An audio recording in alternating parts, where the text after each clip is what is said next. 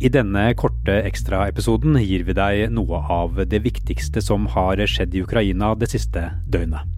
Du hører kort forklart fra Aftenposten. Det er tirsdag ettermiddag 1. mars, og jeg heter Andreas Bakke Foss. Кто тут русский мир ждал слоган России на площади? Вы этого хотели, да? Flere amerikanske aviser skriver tirsdag morgen at krigen i Ukraina nå er i ferd med å endre karakter. Natt til i dag ble flere storbyer angrepet, og samtidig er et stort antall russiske bakkestyrker på vei til hovedstaden Kyiv. Det er svært vanskelig å vite sikkert hvor store tap hver side har hatt så langt i krigen. Det ukrainske helsedepartementet sa i går at det var 352 døde sivile og over 1600 sårede. I tillegg så kommer døde ukrainske soldater. Ifølge det ukrainske forsvaret så skal rundt 5700 russiske soldater ha blitt drept så langt i krigen. Men disse tallene må man ta med en stor klype salt. Først søndag så innrømmet det russiske forsvarsdepartementet at det var russiske soldater som var blitt drept i krigen. Men de har ikke gitt noe tall på hvor mange.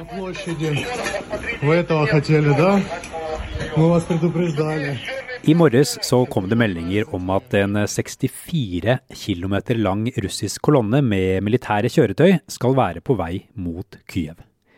Og for å sette det litt i perspektiv, det er lengre enn fra Stortinget midt i Oslo sentrum til Moss.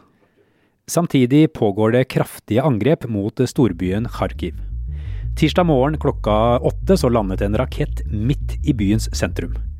En video viser en kraftig eksplosjon på et stort torg like foran regionens administrasjonsbygg.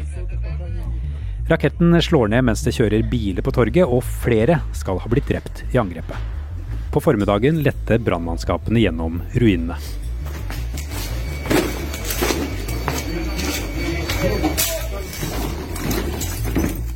Her i Norge har etterspørselen etter jodtabletter økt kraftig de siste dagene.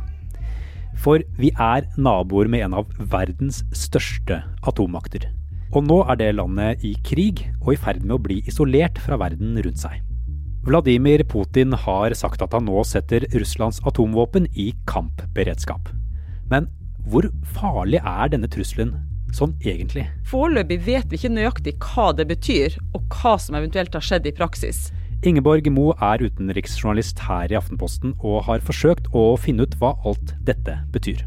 De kildene jeg snakka med, ser uttalelsen hans først og fremst som et signal til Vesten. Det er en form for reaksjon på sanksjonene mot Russland, og det tolkes som en beskjed til USA om å ikke blande seg inn i Ukraina-konflikten. Så ekspertene oppfatter det ikke som et klarsignal om å bruke våpnene, det er mer som en indirekte trussel. Så det blir ikke atomkrig i morgen nødvendigvis? Verken ekspertene eller politikere tror det er sannsynlig. Men hva slags atomvåpen er det Russland har? Russland har jo verdens største arsenal av atomvåpen. Og de har både det som kalles strategiske og taktiske kjernevåpen. Kort fortalt så kan man si at strategiske atomvåpen kan plasseres på raketter og nå mål over store deler av verden, også USA. Taktiske atomvåpen har kortere rekkevidde. Men vi vet ikke helt sikkert om Putin sikta til de strategiske eller de taktiske atomvåpnene når han kom med uttalelsen sin på søndag. Det var dagens korte oppdatering. På aftenposten.no får du analysene, kommentarene og alt du trenger å vite om det som skjer i Ukraina nå. I tillegg kommer det flere vanlige forklarte episoder om Ukraina-invasjonen fremover. I denne episoden har du hørt lyd fra nyhetsbyrået AP og videoer hentet fra Telegram.